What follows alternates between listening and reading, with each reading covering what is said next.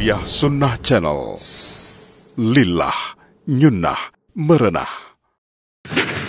Bismillahirrahmanirrahim. Assalamualaikum warahmatullahi wabarakatuh.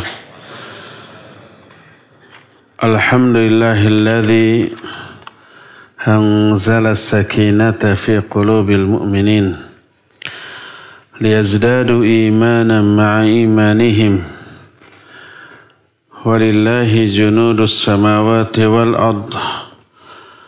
وكان الله عليما حكيما. وأشهد أن لا إله إلا الله وحده لا شريك له. إقرارا به وتوحيدا وأشهد أن محمدا عبده ورسوله صلى الله عليه وعلى آله وأصحابه وسلم تسليما مزيدا. وبعد Hadirin jamaah Masjid Raya Cipaganti yang Allah muliakan. Alhamdulillah kita kembali berjumpa ya. Sekalipun sedikit agak telat, cuma 40 menit.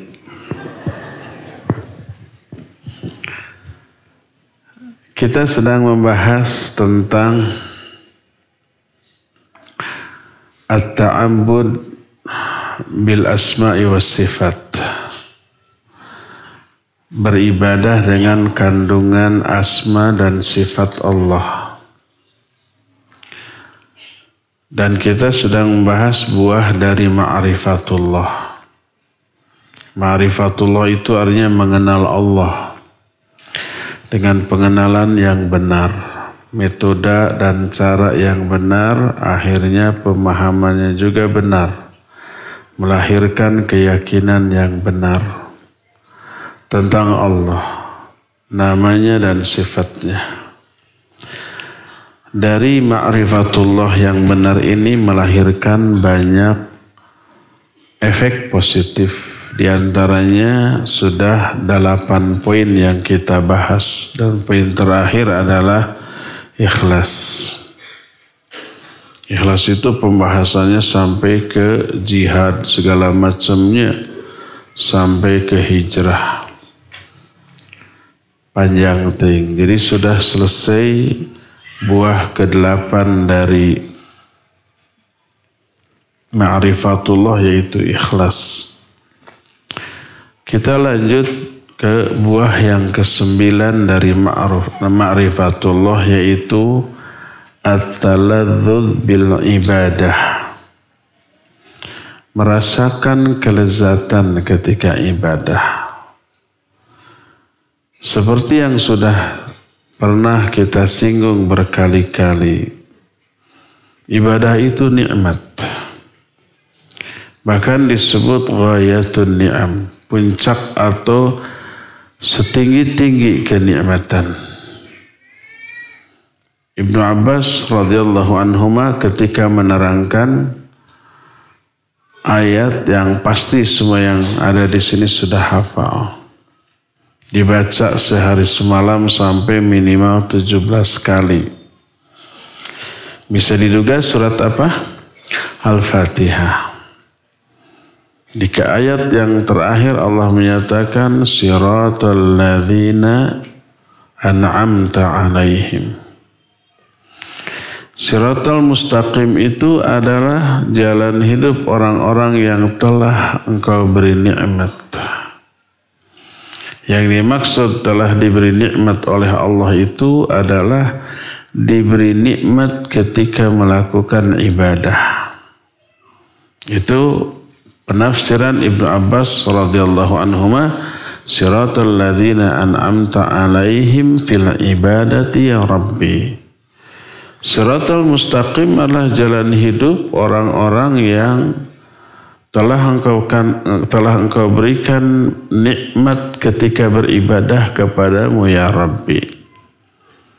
Dan ini mengisyaratkan ibadah yang benar itu harus sampai merasakan kenikmatan ketika melakukan ibadah tersebut.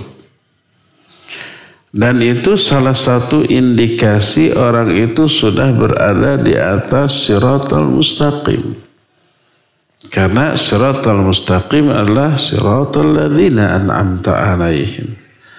Jalan hidup orang-orang yang telah engkau berikan kenikmatan dalam beribadah kepadamu.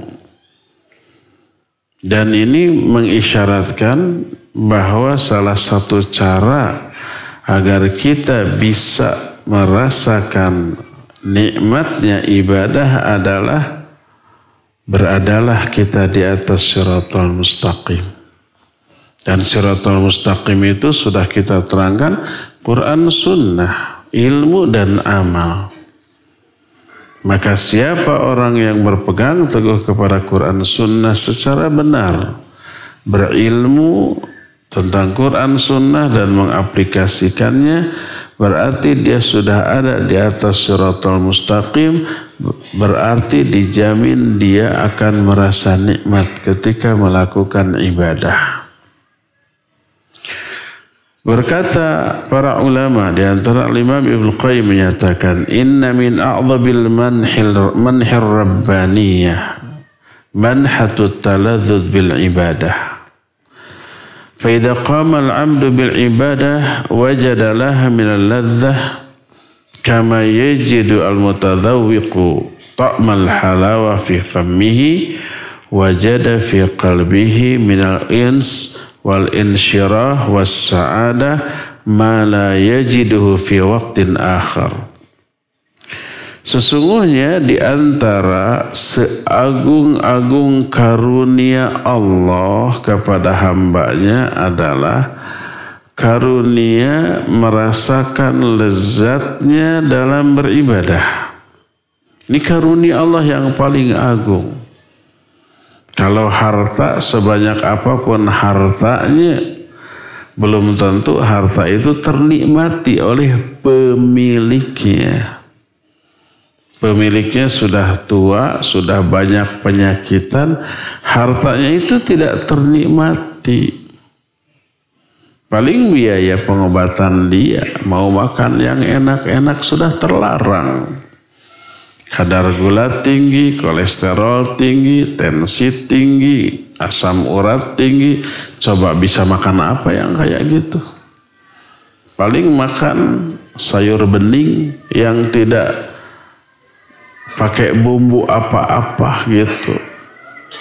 Paling kulu hungkul. Tahu waluh? Waluh itu apa waluh?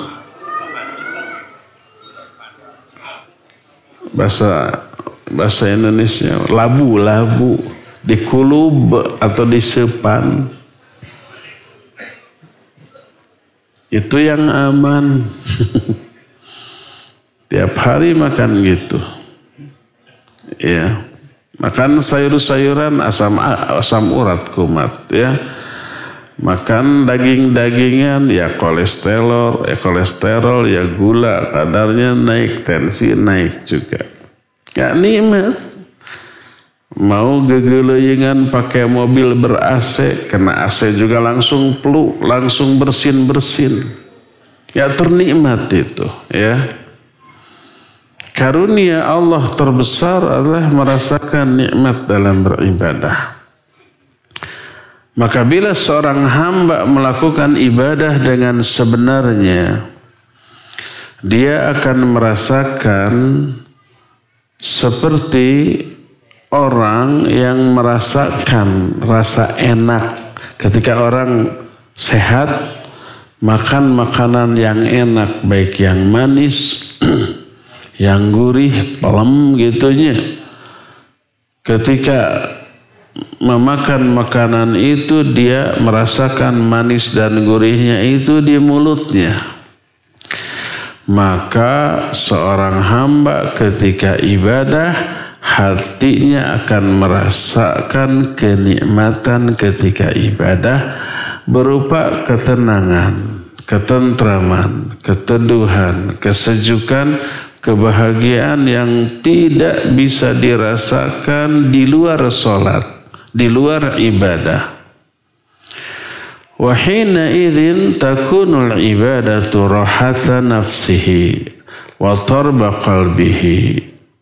Maka ketika itu ibadahnya menjadi penyebab bahagianya hati dan tentramnya jiwa.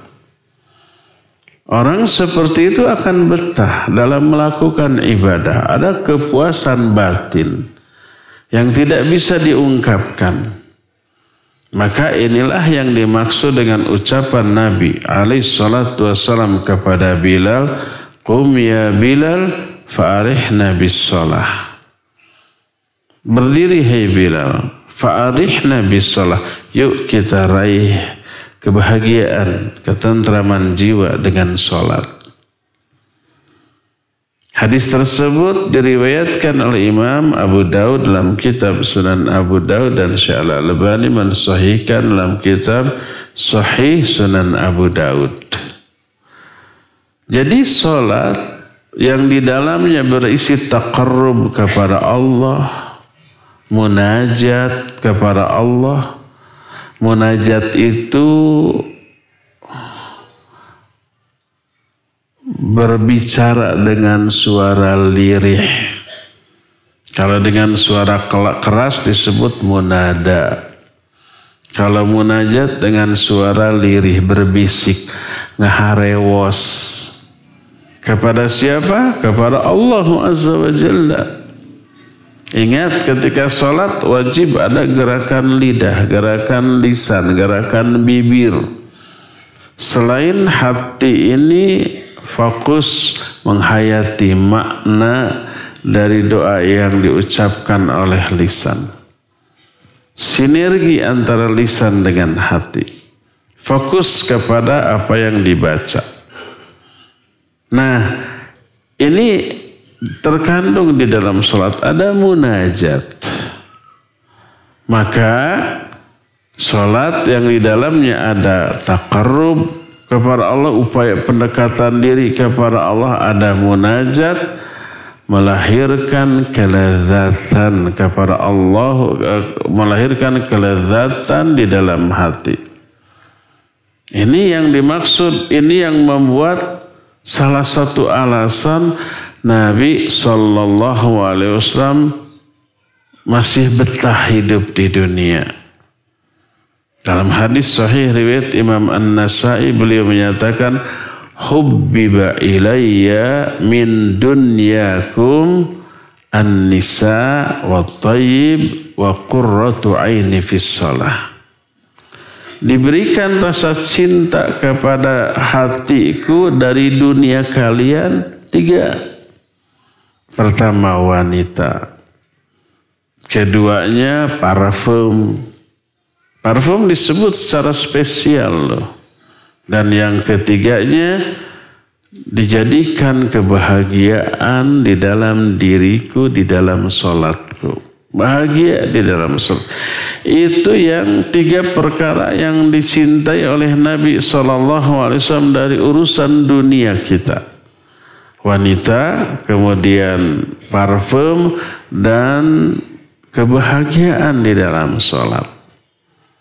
Kita tidak membahas ketiga-tiganya karena bukan materi yang pokok yang kita bahas. Saya khawatir salah faham nanti. Ya salah satu yang membuat Nabi betah di dunia adalah cinta kepada wanita. Nanti difahami secara keliru, secara salah. Khawatir begitu. Dilema sebenarnya bagi saya. Tidak diterangkan khawatir salah faham, diterangkan panjang teing. Nanti belot materinya ke sana ya. Pokoknya itulah tiga hal. Salah satu di antara yang membuat Nabi cinta terhadap dunia ini adalah bahagia di dalam sholat. Ketika Mu'ad bin Jabal radhiyallahu an mau meninggal, beliau nangis. Kenapa nangis? Bukan menangisi beliau akan mati, bukan menangisi karena mau meninggalkan dunia yang menyenangkan ini bukan. Ditanya Muadz itu kelak di akhirat akan menjadi pemimpin para ulama itu.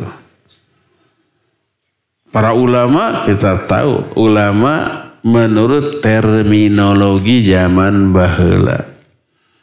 Ulama zaman bahula itu keilmuannya mencerminkan akidah, ibadah, dan akhlaknya.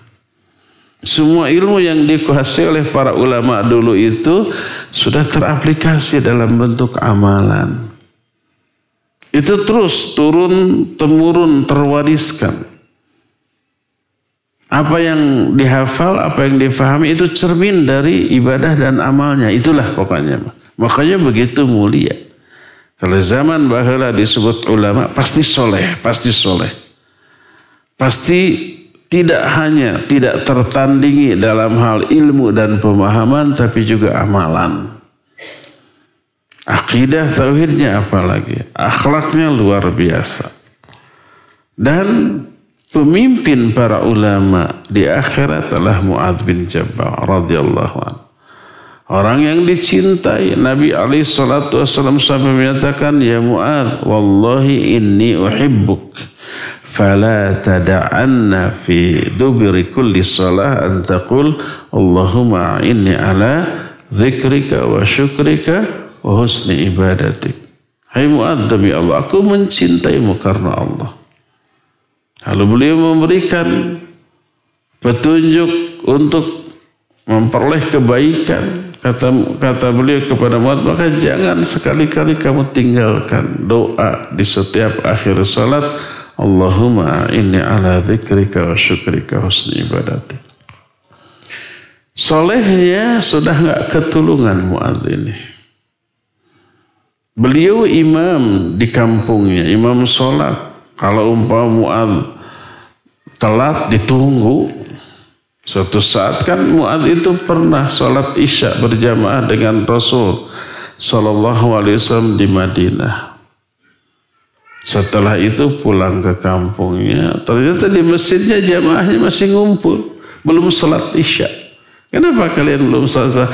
Kami menunggu diimami oleh engkau. Sholat lagi itu jadi imam lagi. Dan hadis ini menunjukkan pertama boleh mengulang sholat fardu dua kali. Dan yang keduanya sunnah.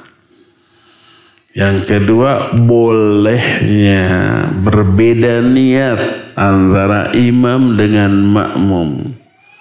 Imamnya niatnya sholat apa? Sunnah. Makmumnya niatnya sholat fardu. Atau sebaliknya, imamnya sholat fardu, makmumnya sholat sunnah. Seperti berjamaahnya Nabi SAW dengan para sahabat ketika tahajud. Bagi Nabi Ali Shallallahu Wasallam tahajud itu wajib. Bagi umatnya sunnah. Dan para sahabat berjamaah dengan Nabi Ali Shallallahu Wasallam. Jadi solehnya Muad itu nggak ketulungan. Dijamin salah satu di antara orang yang dijamin masuk surga. Ketika mau mati nangis.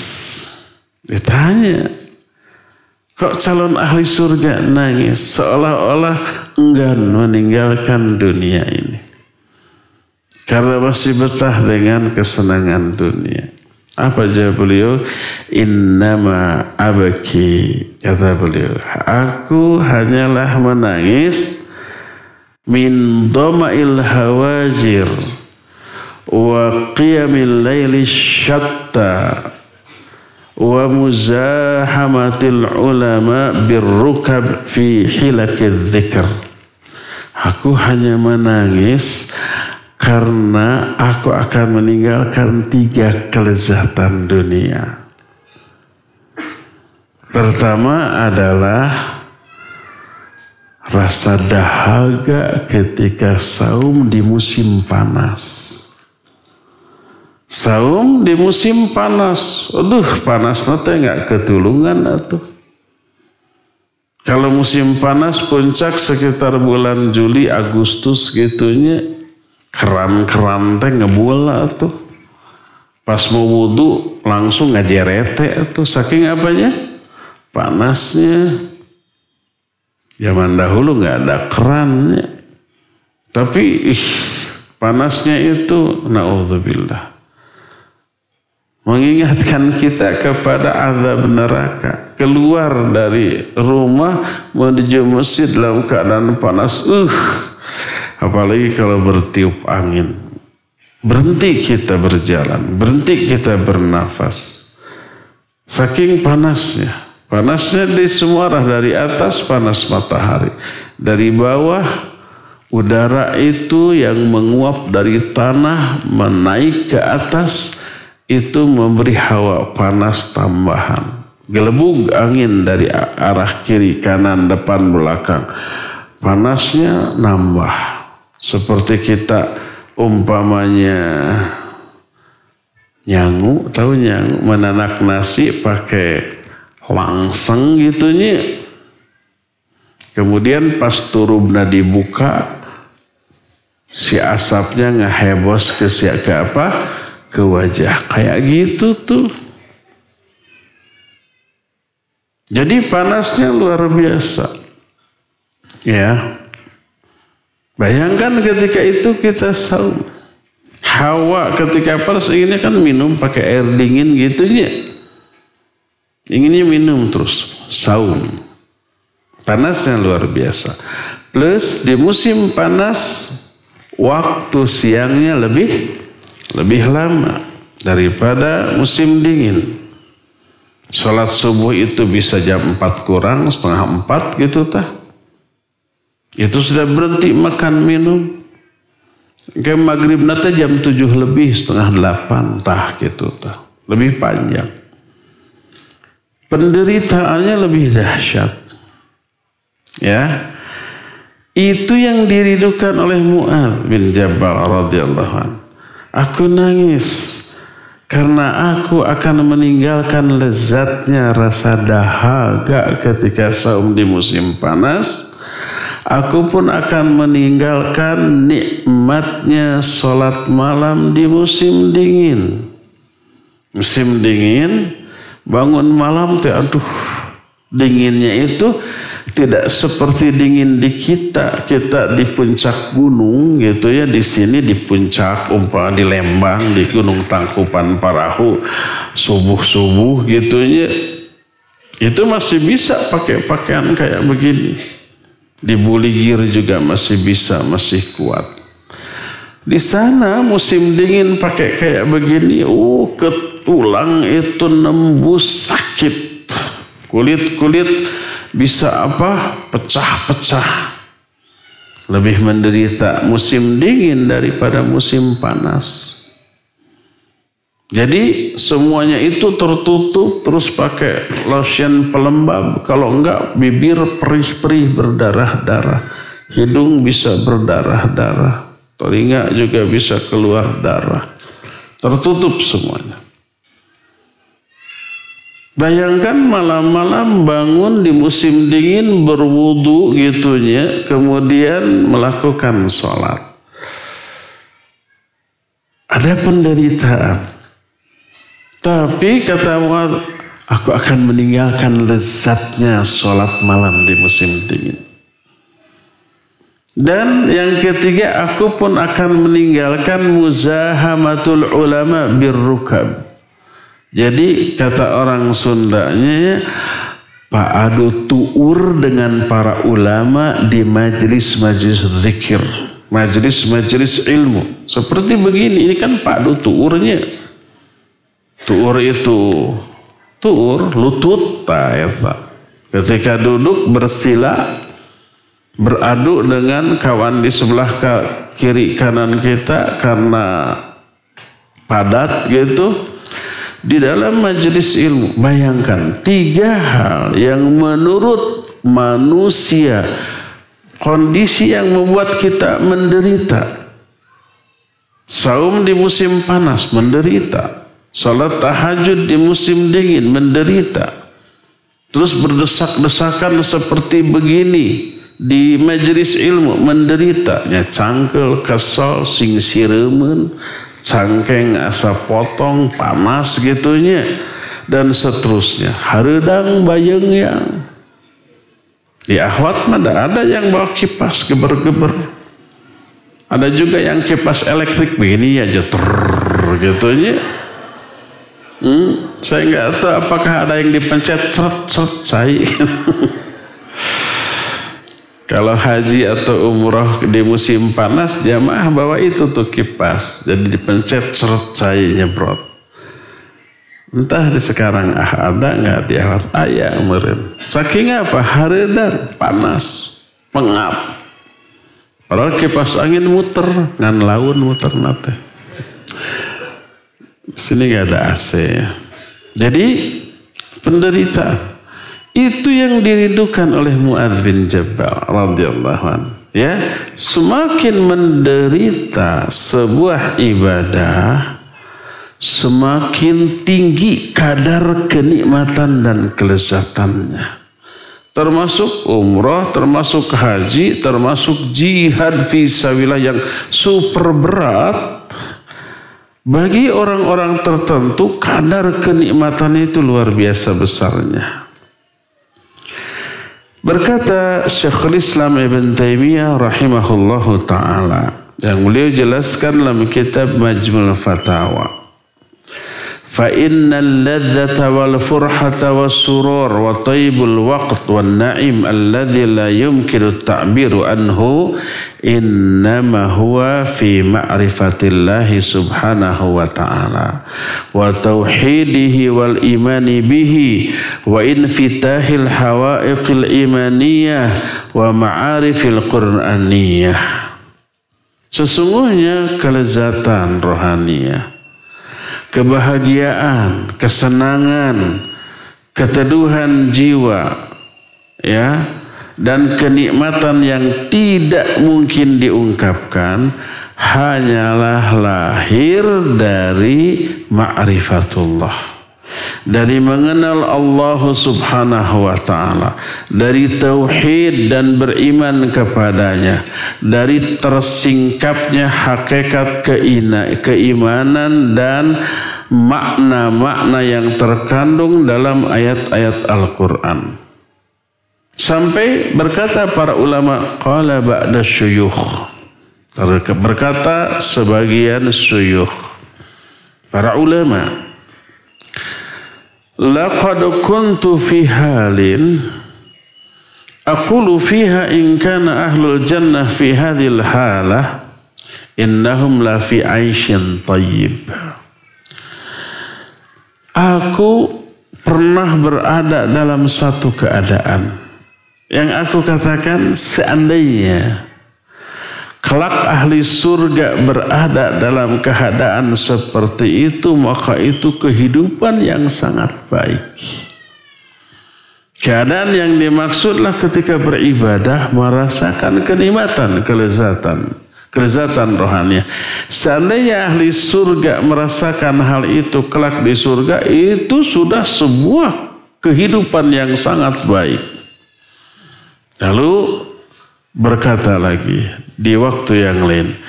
La tamurru 'alal qalbi awqatun yarqusu fiha tarban fid dunya na'imun yushbihu na'imal akhirah illa na'imul iman wal ma'rifah. Pernah ada waktu-waktu teralami di mana hati merasakan kebahagiaan ketika ibadah tidak ada kenikmatan di dunia ini yang menyerupai kenikmatan akhirat kecuali nikmat iman dan ma'rifah. Hanya itu yang menyamai kenikmatan akhirat. Makanya berkata Nabi SAW, Ya Bilal arih Nabi Sallallahu. Hai Bilal, kita merasakan kebahagiaan dengan sholat kita.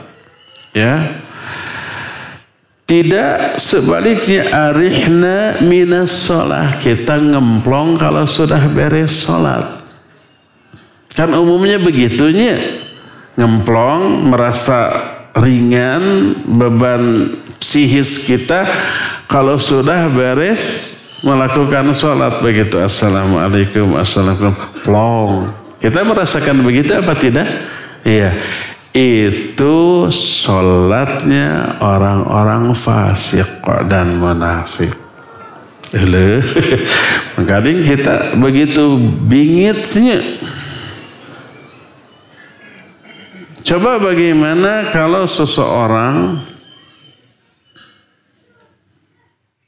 Ah, ini contoh ini buruk, contoh buruk. Orang maniak game. Ketika main game seru, dia senang apa tidak? Senang. Wah, jiwa raganya terlibat di sana. Sampai mulutnya juga ikut gitu kalau balap mobil, balap mobil sampai miring-miring dia. Ketika mobilnya belok, dia juga miring begitu. Sampai kursinya miring. Begitu game over, ah, ada kekecewaan. Nah, kalau dulu bayar, rumput rampak lagi ke saku, ada koin lagi yang bisa dimasukkan apa? Ingin lagi. Jadi dia merasa kesenangan, kebahagiaan, merasa puas ketika sedang bermain. Dan ketika beres, aduh kecewa ya enggak? Itu contoh pertama. Contoh kedua, orang yang suka komik atau suka film. Ketika bacanya di tengah-tengah cerita enjoy dia. Lagi ngantuk baca itu cenghar. Lagi ngantuk lihat filmnya seru, uh dia cepet fresh lagi. Gak ada rasa ngantuk lagi tuh. Dia menikmati. Tapi pas ada tulisan tamat, the end. Atau selesai, atau to be continue. Dan seterusnya. Eleh. Gitu kan. Jadi dia merasa menikmati itu ketika itu berlangsung dan setelah selesai dia merasa kecewa dan tidak sabar ingin uh, melihat kelanjutannya lagi. Nah, itu orang yang menikmati. Jadi mestinya kita berbahagia selama sholat. Di dalam sholatnya bahagia. Di dalam sholatnya kita menikmati. Di dalam sholatnya kita mendapatkan sesuatu yang luar biasa. Tenangnya hati, tentramnya jiwa, teduhnya kalbu kita gitu ya. Begitu salam, assalamualaikum, ah udah selesai gitu.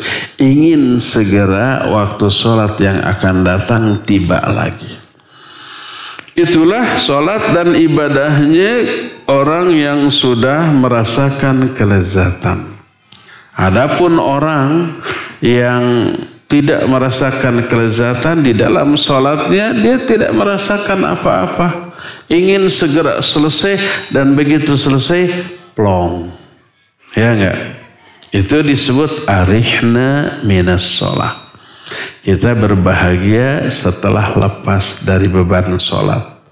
Mestinya arihna bis sholat. Kita merasa bahagia dengan sholat. Itulah yang dilakukan atau yang dirasakan oleh Nabi alaihi salatu wassalam. Adapun orang-orang fasik dan munafik, orang-orang ahlul kabair, salat merupakan beban berat karena dia tidak memperoleh apa-apa di dalam salatnya. Berfirman Allah Azza wa Jalla Al-Quran surah Al-Baqarah ayat 45. Wasta'inu bis sabri was salah wa innaha lakabiratun illa alal khashiin. Kata Allah, mintalah kalian pertolongan dengan sabar dan sholat. Sesungguhnya sholat itu amat sangat berat kecuali bagi orang-orang yang khusyuk. Orang yang khusyuk mah memperoleh sesuatu dari sholatnya. Mendapatkan anugerah luar biasa dari sholatnya. Makanya tidak terasa berat bahkan dia amat sangat membutuhkan sholat untuk ketenangan jiwanya. Maka dengan teraihnya kelezatan di dalam sholat entenglah ibadah itu atas hatinya. Bahkan hatinya membutuhkan sholat sesering mungkin. Beres umpamanya eh, sholat fardu, dia masih tetap nanti ada sholat sunat setelahnya. Gitu ya. Dan ketika jangka waktu sholat ke sholat panjang seperti dari subuh ke mana, ke zuhur itu panjang hatinya merindukan sholat. Ada sholat-sholat sunnah di antaranya. Ada sholat syuruk, ada duha, ada syukrul wudhu, atau udah ke masjid, sholat tahiyatul masjid, lalu duduk di masjid untuk baca Quran, untuk zikir dan yang sejenisnya, Allah fasilitasi keinginan orang-orang yang ingin takarrub dalam bentuk sholat itu kepada Allah subhanahu wa ta'ala. Ya.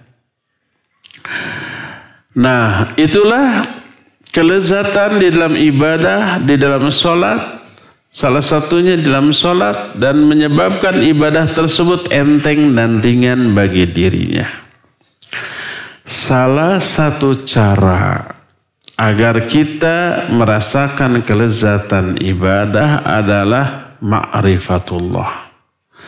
Dengan menelaah asma dan sifat Allah. Berkata mu'alif, Ta'ammulul asma wa sifat tariqun lilladzatil ibadah. Memperhatikan asma dan sifat Allah. Mempelajari dan memahami asma dan sifat Allah merupakan cara terbaik meraih kelezatan di dalam beribadah kepada Allah Azza wa Jalla. Bagaimana sih daya kerja ma'rifatullah terhadap teraihnya kelezatan dalam sholat? Apa hubungannya ma'rifatullah dengan merasakan ke, ke, kenikmatan rohaniah di dalam sholat? Jelas amat sangat kuat keterkaitannya. Ya, Apabila seseorang mengenal Allah Azza wa Jalla, berapa sifatnya? Bahwa Allah itu syakur. Allah itu la yudhi'u amalil abdi.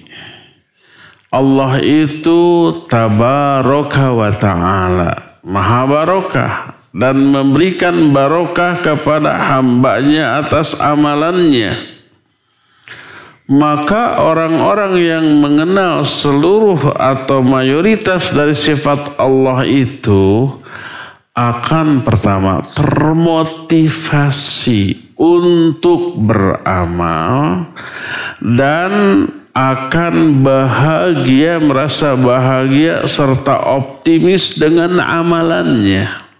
Sebagai contoh begini, kita punya uang, Orang yang punya uang agak banyak, umpamanya 100 juta lah. Sebenarnya dilema dia itu. Bingung harus diapakan uang ini. Dihabiskan semuanya, habis lah itu nggak punya lagi ya. Disimpan gitu, khawatir hilang. Datang pencuri, datang penodong, datang rampok. Dibawa-bawa ke sana kemari, apalagi gitunya diinvestasikan takut rugi. Bingung dia. Tapi ketika dia menemukan satu proyek yang pasti untung. Tidak ada resiko kerugian. Untungnya pasti berlipat. Seperti contohnya umpamanya orang memesan satu barang yang sangat dia butuhkan kepada uh, sangat dia butuhkan. Umpamanya contoh yang nyatanya setiap awal tahun pelajaran pasti murid-murid butuh banyak hal, butuh baju, butuh sepatu, butuh buku-buku kayak gitu ya. Atau sekolah. Setiap sekian bulan mereka sekolah itu harus mencetak soal.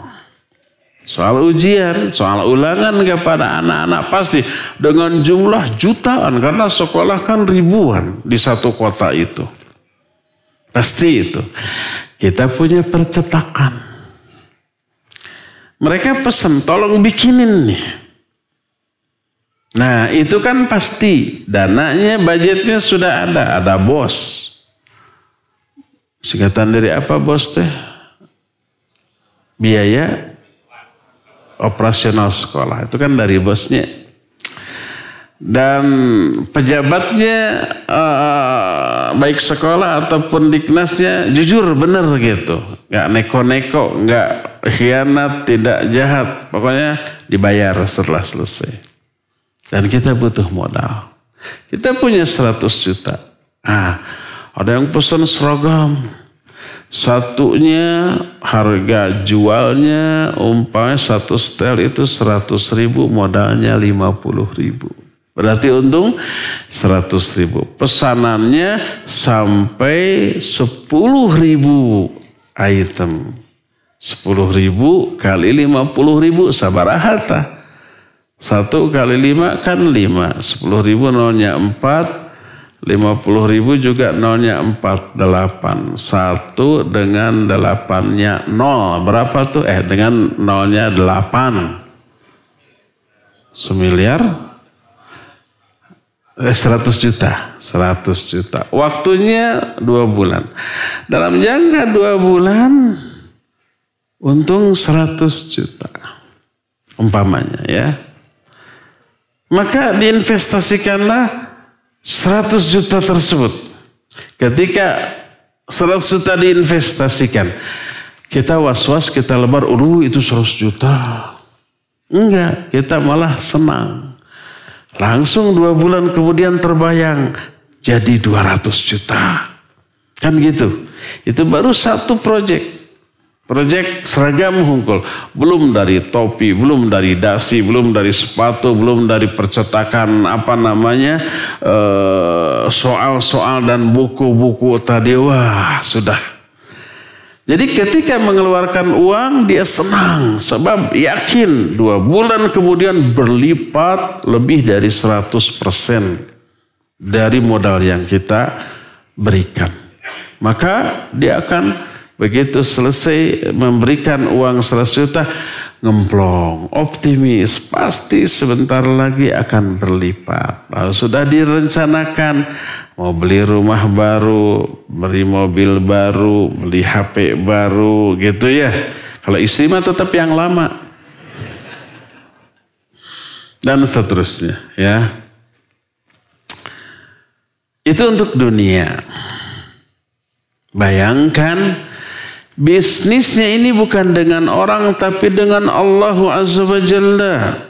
Ingat ibadah yang kita lakukan oleh Allah diistilahkan dengan istilah bisnis atau perdagangan atau perniagaan atau dengan kata lain jual beli. Kita yang menjual, Allah yang membelinya.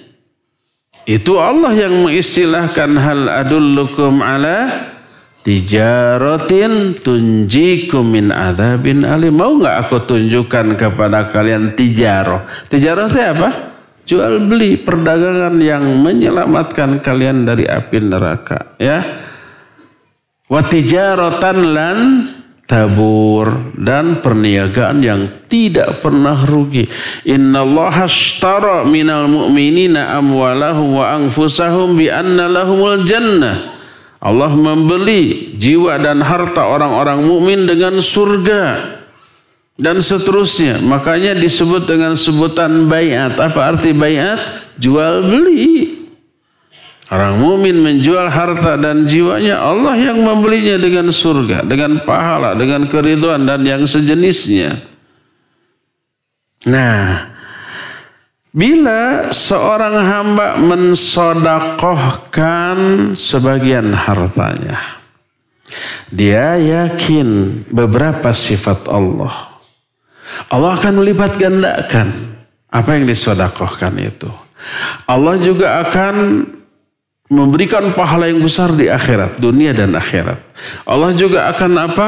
akan menghapus dosa-dosanya. Allah juga akan apa? Memberikan pahala yang sangat besar atas infak dan sodakohnya. Allah juga akan menghilangkan murka Allah atas dosa-dosa dia di masa lalu. Karena dengan infaknya bisa meredam kemurkaan Allah. Inna sadaqah tudfi'u ghadabar rahman. Dan banyak keuntungan dari infak dan sedekah. Jadi pas dia ada kencang lewat ya mal hare-hare yang kemah.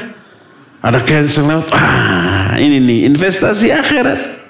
Ya, dia rogoh sakunya, dia ambil apa dompetnya, dia masukkan semua dengan dompetnya. Dengan keyakinan ini yang saya berikan, yang saya keluarkan ini nanti di dunianya akan Allah lipat gandakan.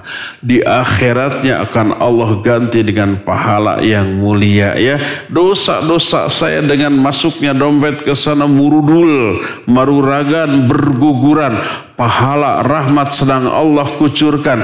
Dan Allah menghapus kemurkaannya bagi saya karena infak dan sodako itu. Maka ketika infak sodako itu plong gitu ya. Optimis yakin dengan infak ini akan banyak keuntungan yang saya peroleh. Maka ketika infaknya hatinya puas hatinya itu ngemplong tenang dan tentram seperti itu. Ini ibadah yang disertai dari pemahaman dia tentang asma dan sifat Allah subhanahu wa ta'ala. Pelong sudah. Nggak difikirkan, aduh tadi eh dua ribu. Gitu ya. Bala-bala sahwab lumayan tadi ingat itu. Enggak. Walaupun umpamanya jutaan. Ya kalau sekarang, wah ini koropak ini, canceling ini nggak cukup. Lubangnya kecil. Saya mah transfer aja lah kan ada nomor rekening yayasan untuk ma'hadnya. Yang sekarang itu masih minim gitu. Ya, karena cueknya para jamaah. Nanti mah mana nomor rekening? Truk ya. 100 juta. Ya, nanti sebulan lagi 200 juta lagi. Terus begitu. Dan begitu transfer sudah berhasil dikirim tanda berhasilnya. Plong.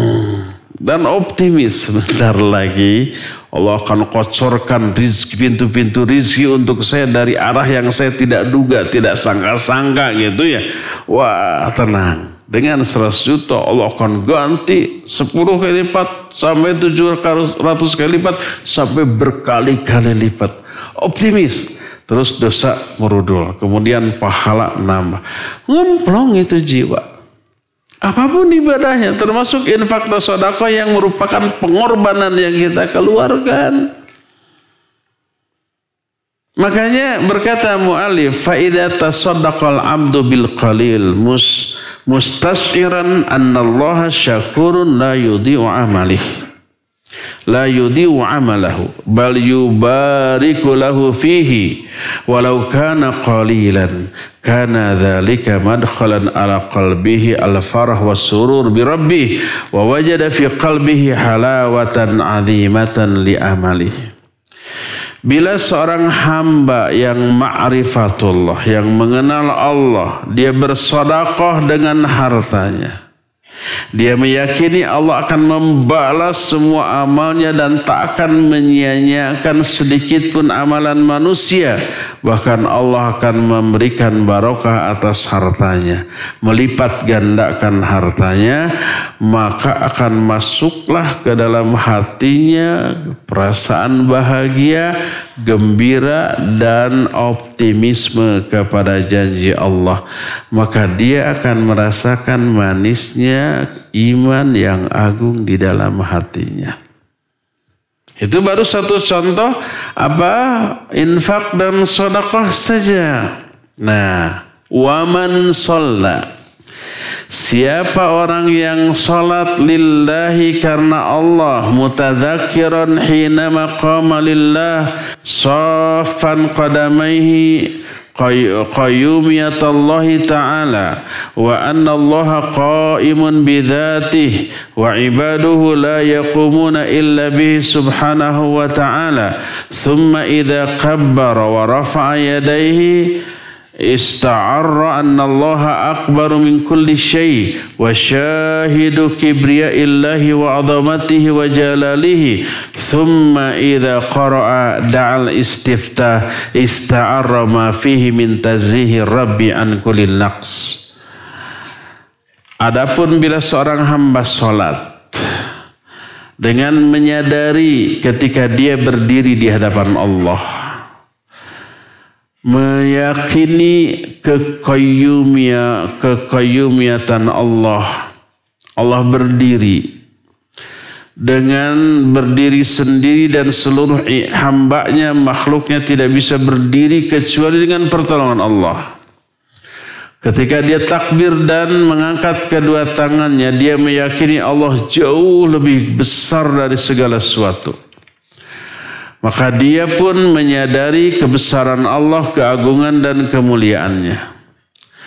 Bila dia memulai membaca istiftah, maka penghayatan dia terhadap doa iftitah itu menimbulkan optimisme yang besar. Tergantung doa iftitah apa yang dia baca kan iftitah banyak. Yang dicontohkan oleh Nabi Ali Shallallahu Wasallam bisa Allahumma ba'id baini wa baina khatayaya. Itu semakna dengan istighfar Ya Allah jauhkan antara aku dengan kesalahan-kesalahanku sebagaimana engkau telah jauhkan antara timur dengan barat. Ini maknanya dalam qabla hinama wa ba'd. Sebelumnya, ketikanya dan setelahnya. Jadi makna ya Allah jauhkan aku dari kesalahanku. Sebagaimana engkau telah jauhkan antara timur dan barat, maknanya jaga diriku dari dosa. Berikan prinsip pertahanan kuat untuk apa untuk bertahan diri menghindari dosa-dosa. Dan bila karena kelalaianku aku terjerumus ke dalam dosa, berikan hidayah untuk istighfar dan tobat darinya. Itu maknanya. Terus dihayati. Dan wallahu la yudhi'u amala amdi. Allah itu tidak akan menyia-nyiakan amalan seorang hamba. Allah respon. Apalagi kalau si hamba sudah memulai memasuki Al-Fatihah, meresponnya Allah itu tunai saat itu. Ida qala al-abdu alhamdulillahi rabbil alamin qala Allahu hamidani abdi. Kalau seorang hamba mengatakan Alhamdulillahi Rabbil Alamin dalam solatnya, Allah merespon, hambaku telah memuji aku. Kalau hambaku mengatakan Ar-Rahmanir Rahim, Allah menyatakan majadani abdi hambaku telah asna alayya abdi hambaku telah menyanjungku. Begitu terus. Dan ketika sampai pada kalimat Iyyaka na'budu wa iyyaka nasta'in. Apa kata Allah? Hadza baini wa baini abdi wa li abdi ma sa'ala. Ini untukku dan untuk hambaku. Dan untuk hambaku akan diberikan apa yang dia minta. Di dalam kalimat itu hambanya hamba Allah yaitu kita meminta meminta apa namanya uh, iya karena na'budu wa karena nasta'in. Iya karena na'budu itu untuk Allah. Iya karena nasta'in ini untuk kita. Iya karena na'budu hanya kepada Engkau ya Allah kami ibadah. Wa iyyaka dan hanya kepada Engkau kami minta pertolongan. Ini untuk kita. Semua permintaan pertolongan kita akan direspon, dikabulkan dan diberikan oleh Allah Subhanahu wa taala. Begitu dialog munajat antara seorang hamba dengan Allah Azza wa Jalla.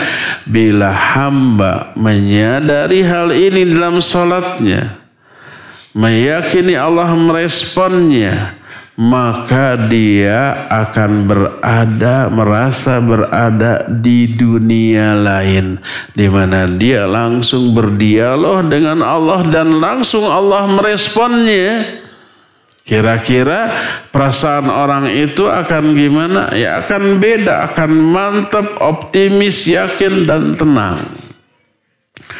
Begitu juga ketika ruku, ketika sujud, ketika duduk, ketika tahiyat, semuanya itu dengan apa? Dengan penghayatan. Maka lahirlah ketenangan jiwa.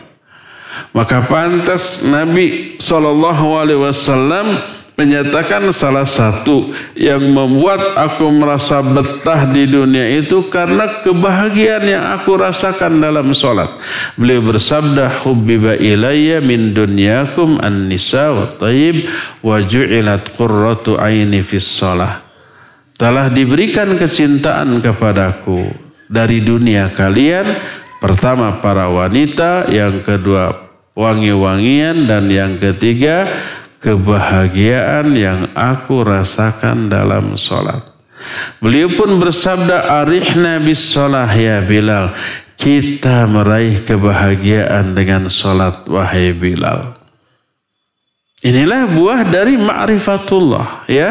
Walaupun ibadah yang dilakukan itu membuat kita merasa menderita secara fisik ya seperti jihad, seperti saum, seperti uh, haji dan umroh, tapi secara psikis puas, bahagia, tenang, tentram dan yakin serta optimis. Itu yang membuat Mu'ad bin Jabal nangis ketika mau mati. Bukan karena mau meninggalkan kesenangan dunia berupa harta. Tapi dia akan meninggalkan kesenangan yang pernah dia raih di dunia.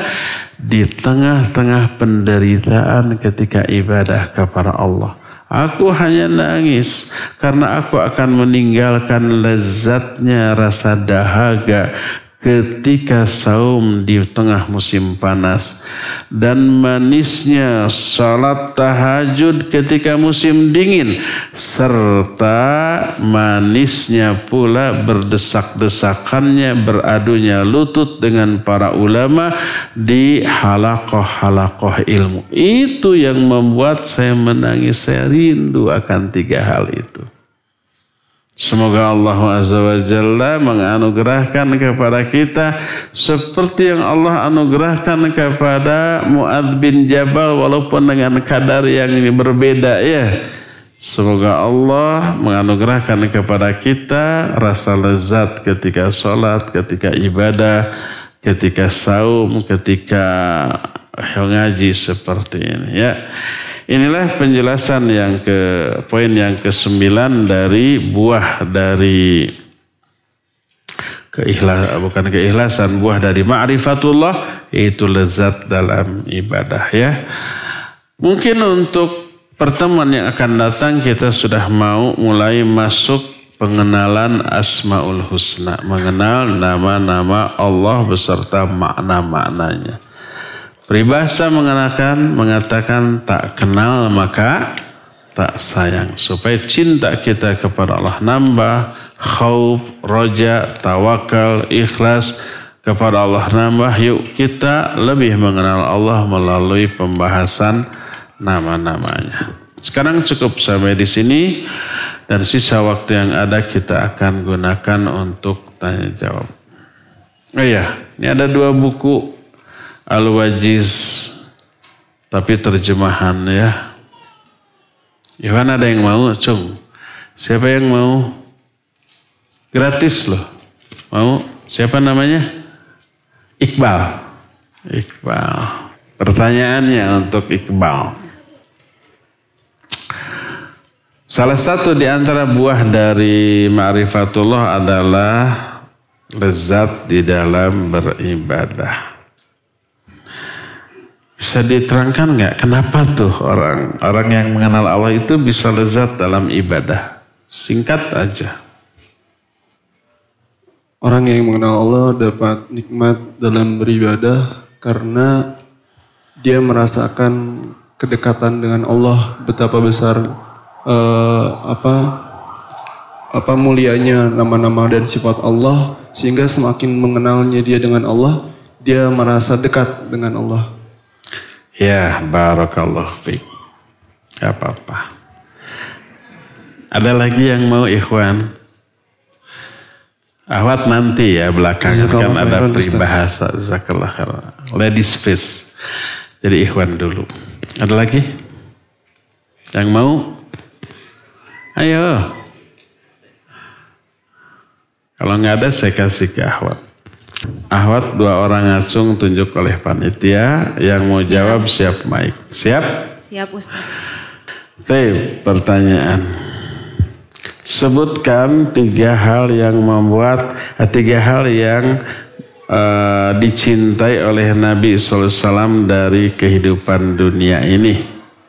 Yang pertama wanita, yang kedua parfum, yang ketiga nikmatnya beribadah, nikmatnya beri, nikmatnya sholat. Iya, barakallahu fiik. Kasih ya. Iya, terus itu yang pertama. Sekarang istri kedua. Yang kedua siapa? Ahwat kedua maksudnya. Bismillah Ustaz. Siap. Ahwat yang kedua. Muad nangis mau meninggal. Dia rindu kepada tiga hal. Karena setelah mati tiga hal ini tidak akan lagi dirasakan. Sebutkan tiga hal itu. Eh, yang pertama adalah rasa dahaga ketika saum di musim panas. Yang keduanya um, nikmatnya sholat malam uh, di musim dingin lalu beradunya lutut uh, pada saat duduk di majelis-majelis ilmu. Iya, barakallahu fiik. Ya.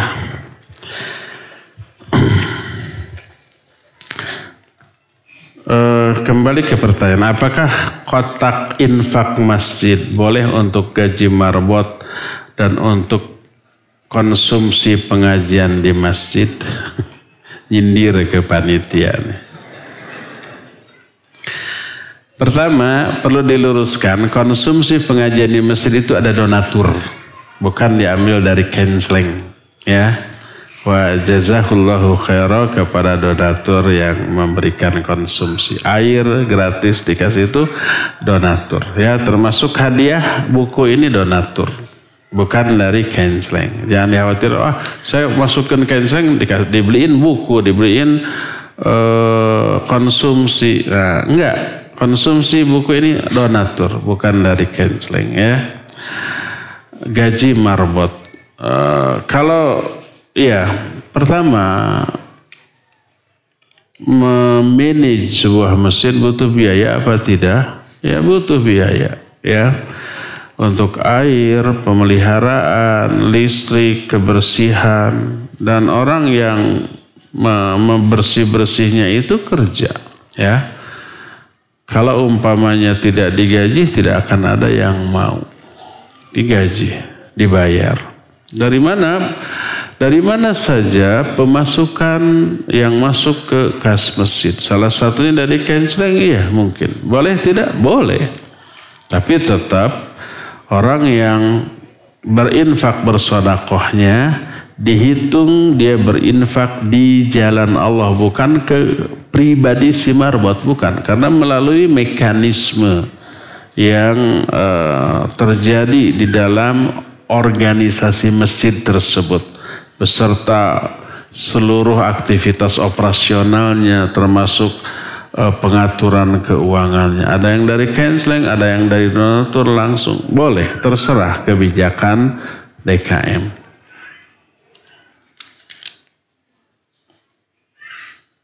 Ustaz, istri saya suka susah dibangunkan saat azan subuh. Ini curhat nih. Mungkin istrinya ada di belakang. Pulang dari sini berantem. Abi tadi nanya ya, nyindir. Biasanya baru bangun setelah saya pulang dari masjid. Mohon nasihat karena istri saya sekarang hadir tuh. saya khawatir pulangnya berantem ya. Tapi kan nggak disebut nama, nggak masalah. Orang-orang nggak tahu yang mana gitu ya. Mungkin yang ketawanya tadi paling kenceng. Atau yang kelihatan raut wajahnya cemberut nyindir ke saya. Susah diduga, nggak masalah mengadukan ini. Karena tidak disebut nama. Andai, andai ini. Disebut namanya pun boleh. Sebagaimana Hindun curhat tentang suaminya Abu Sofan yang apa? Yang pelit. Ya Rasulullah Abu Sofyan itu orangnya pelit. Kalau nggak saya minta nggak ngasih, boleh nggak saya ambil uang tanpa sepengetahuan? Itu disebut namanya. Boleh ya. Kalau tidak menimbulkan madarat. Kalau menimbulkan madarat jangan. Seperti yang barusan. Ya. Dengar nih akhwat. Jangan-jangan bukan hanya satu akhwat tapi semuanya. Kenapa susah dibangunkan?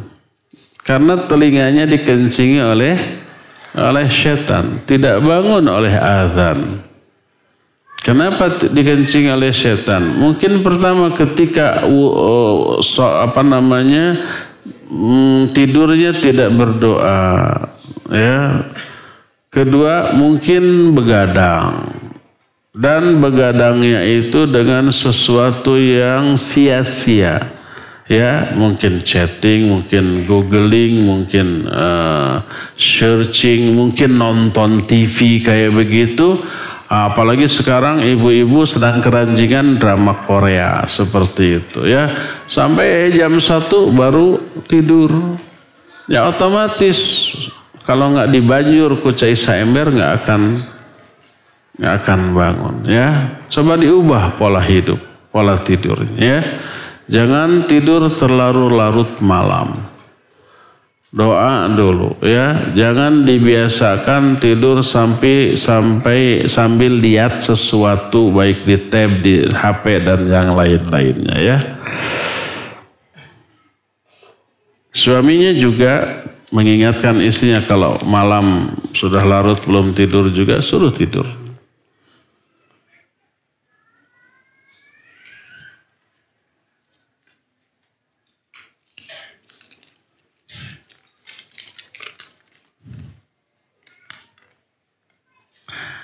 Bagaimana kalau akhwat melakukan syafar, bukan syafar, safar dengan S biasa ya, bukan SY. Syafar lebih dari 80 km tanpa didampingi mahram karena mahramnya tinggal berjauhan di lain pulau. Tidak boleh, cari mahram yang bisa mendampingi.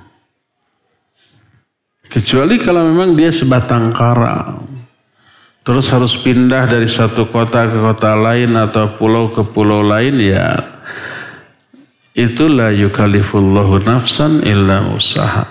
Dia sendiri gitu, tidak mampu didampingi mahram karena tidak ada, ya udah, gimana lagi ya tuh.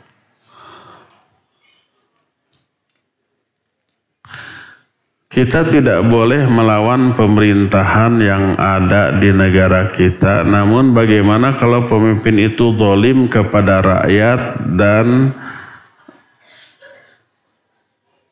mensahkan seperti LGBT, perzinahan dan lain-lain di mana kita untuk menegakkan amar ma'ruf nahi munkarnya. Jazakallahu khairan.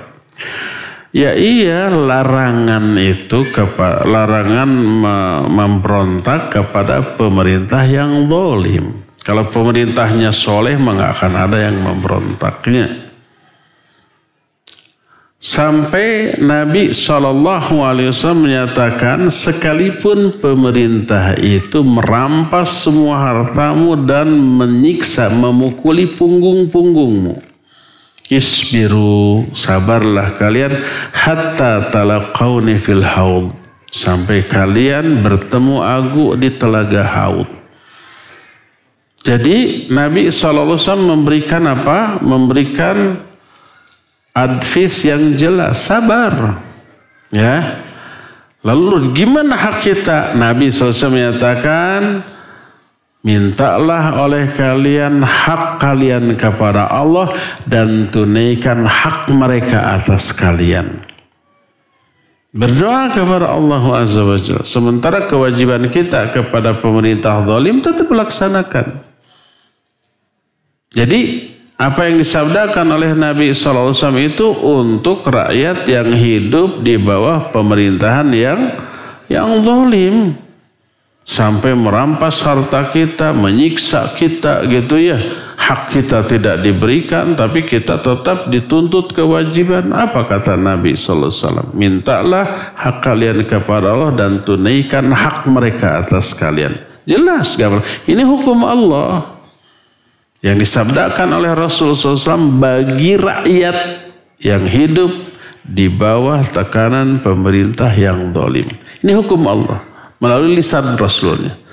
Kalau umpamanya orang-orang yang menyatakan, oh pemerintah ini sudah tidak lagi menegakkan hukum Allah karena zalim kepada rakyatnya, lalu ditembak dengan ayat wa lam yahkum bima anzalallah faulaika humul kafir. Oh kafir berdasarkan ayat ini. Nanti tanpa kita sadari kita pun kena dengan ayat ini. Waman saya tanya, man ini ma'rifat atau nakiroh? nakiro. Barang siapa? Siapa ini sudah tertentu apa belum? Belum umum siapa aja baik pemimpin ataupun rakyat. Yang tidak menerapkan hukum dengan hukum yang Allah tetapkan, dia kafir, dia zalim, dia uh, fasik. Tiga ayat ujungnya berbeda. Ini berlaku untuk penguasa dan juga rakyat. Penguasa harus menerapkan hukum Allah ketika mengatur rakyatnya. Rakyatnya juga harus menegakkan hukum Allah ketika menghadapi pemimpin penguasa yang zalim. Hukum Allahnya kata Nabi SAW sabar.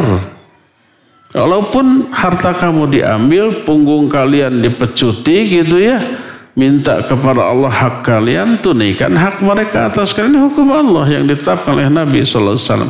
Kalau enggak, ah rugi ini mah gitunya. Akhirnya disisihkanlah sabda Nabi, lalu angkat senjata. Maka dia keluar dari hukum Allah.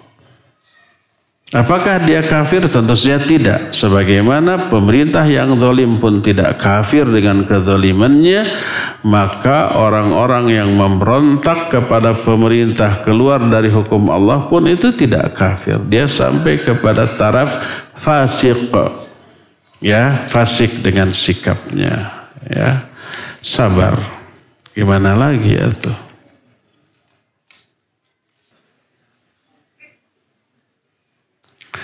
Assalamualaikum Assalamualaikum Anak korban PHK Sudah dua tahun. Umur anak 52 tahun. Istri anak 35 tahun. Duh ABG kene Berarti bedanya berapa? 17 tahun. Kami nikah kedua kalinya Mungkin janda dengan dudanya. Sekarang keluarga anak disubsidi oleh anak-anak dan anak istri dari suami pertama. Karena anak tidak berpenghasilan. Istri anak kalau sedang marah dia selalu berkata kepada anak bahwa anak dikatakan bukan suami. Oh, dia tidak mengakui suaminya. Bagaimana apakah hubungan anak dengan istri anak mahram bukan? Eh bukan mahram makanya nikah. Kalau mahram tidak boleh jadi suami istri. Apakah istri anak berdosa? Istrinya ada enggak ya di sini?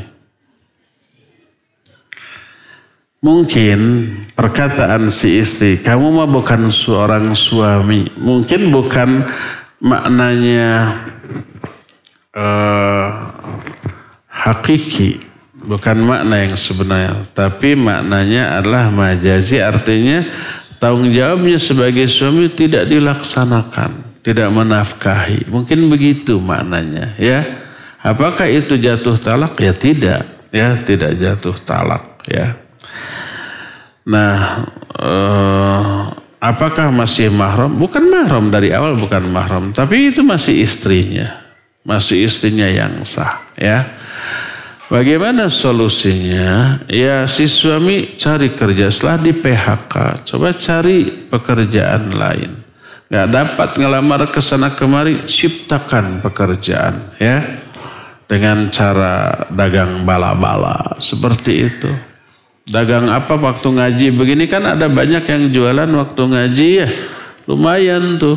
Ya apa saja ambil barang, jual, nanti storkan. Jadi ayah sasirin sabenyirin. Ada sedikit demi sedikit untuk menafkahi istri. Cari ya. Itu pertama. Kedua, si istri. Bagaimana sikap istri? Kalau suaminya tidak menafkahi. Baik karena tidak mampu atau mampu tapi tidak mau. Pertama, hukum asal dia boleh mengajukan khulu atau gugat cerai. Ya. Kedua, dia boleh terus menjadi istrinya dan bersabar atas kondisi suaminya. Mana yang lebih baik hulu atau tidak? Lihat. Kalau ya suaminya sudah berusaha ke sana kemari tapi belum dapat, sebaiknya sabar. Walaupun dia boleh mengajukan talak, tapi sebaiknya sabar. Kalau melihat suaminya betul-betul sedang berusaha mencari ke sana kemari, support terus suaminya lakukan kewajibannya doa ya. Jangan sampai disakiti jangan sampai dihinakan jangan sampai disinggung perasaannya ya. Nah kecuali kalau suami enjoy dengan keadaan itu. Inginnya memang nganggur kerja mungkin bisa tapi nggak mau ya. Tidak mau ngada dorong roda gitu ya gengsi dan yang sejenisnya. Pokoknya peluang ada tapi tidak mau bekerja, maka sebaiknya bercerai. Sebaiknya mengajukan gugatan cerai. Karena tidak tidak akan ter, ter, terlaksana hak dan kewajiban suami istri kalau suaminya malas bekerja ya. Ya semoga Allah Azza wa memberikan solusi kepada rumah tangga ini. Ustaz. Ya. Dari pendengar radio Amuba Pangkal Pinang Ustaz. Iya. Assalamualaikum Ustaz. Assalamualaikum. Bagaimana sebaiknya sikap saat sholat berjamaah? Kadang ada suara gaduh dari anak-anak Ustaz yang dibawa ke masjid dan kadang mengganggu jamaah yang lainnya. Dan untuk menegur sepertinya tidak enak. Apakah mesti cari masjid yang lain agar sholat lebih tenang? Ustaz. Wafika barokallah. Ya pendengar di Pangkal Pinang melalui radio Amuba. Pernahkah itu terjadi di zaman Nabi SAW? Ya pernah. Siapa yang bawa anak ke masjid saat itu? Termasuk Nabi SAW. Beliau membawa cucunya. Ya, cucunya ikut sholat? Tidak. Terus naon atau cucunya? Nggak ganggu. Hasan dan Husain naik ke punggung Nabi dan ke pundaknya ketika sujud. Jadi aja nggak bisa bangkit lama sujudnya ya. Terus Nabi SAW juga ketika sholat beliau ingin memanjangkan sholat. Tapi tiba-tiba terdengar tangisan seorang bayi. Lalu dipercepat. Apakah setelah itu Nabi mengumumkan besok lusa ibu-ibu nggak boleh bawa anak-anak. Apakah begitu? Tidak. Syekh Salim bin Indal Hilali ketika menjelaskan hadis di dalam kitab Riyadus Solihin, syarah Bahjatun Nadhirin, syarah Riyadus Solihin, beliau menyatakan wa alal aba as-sabru ala adahum fis. Dan bagi bapak-bapak jamaah wajib bersabar atas gangguan mereka selama sholat. Kalau umpah anak bilang nggak boleh lagi sholat di masjid, ya, maka anak sejak kecil sudah jauh dari masjid bahkan masjid menjadi sesuatu yang ditakutinya. Karena setiap mau masuk masjid langsung ada bapak-bapak galak, kayo mau hari ke sininya sambil menyiapkan rotan. Jadi aja anti ke masjid, takut ke masjid, jauh dari masjid nanti ya. Maka kalau anak-anak sudah jauh dari masjid sejak kecil, maka nanti mereka akan jauh selama-lamanya dari masjid. Yang harus dilakukan pertama, boleh membawa anak-anak ke masjid. Yang kedua, nasihati agar si anak itu tidak main-main. Agar anak-anak itu tidak mengganggu ya. Ketiga, kalau anak itu tidak nurut atau bahkan belum ngerti atau ngerti tapi tetap bandel, dah turunan merenya ya kita sabar. Ya. Ada nggak anak-anak yang sudah dinasihati nanti di masjid jangan lari-lari ya, jangan jerit-jerit ya. Iya, dibawa eh lari-lari. Ada yang begitu? Banyak. Cucu saya juga begitu. Kita wajib sabar ya, wajib sabar dan tetaplah menasihati, menasihati, menasihati ya. Wallahu a'lam. Cukup ya sampai di sini mohon maaf tidak semua pertanyaan terjawab karena terbatasnya waktu. Insyaallah kita jumpa kembali selasa yang akan datang.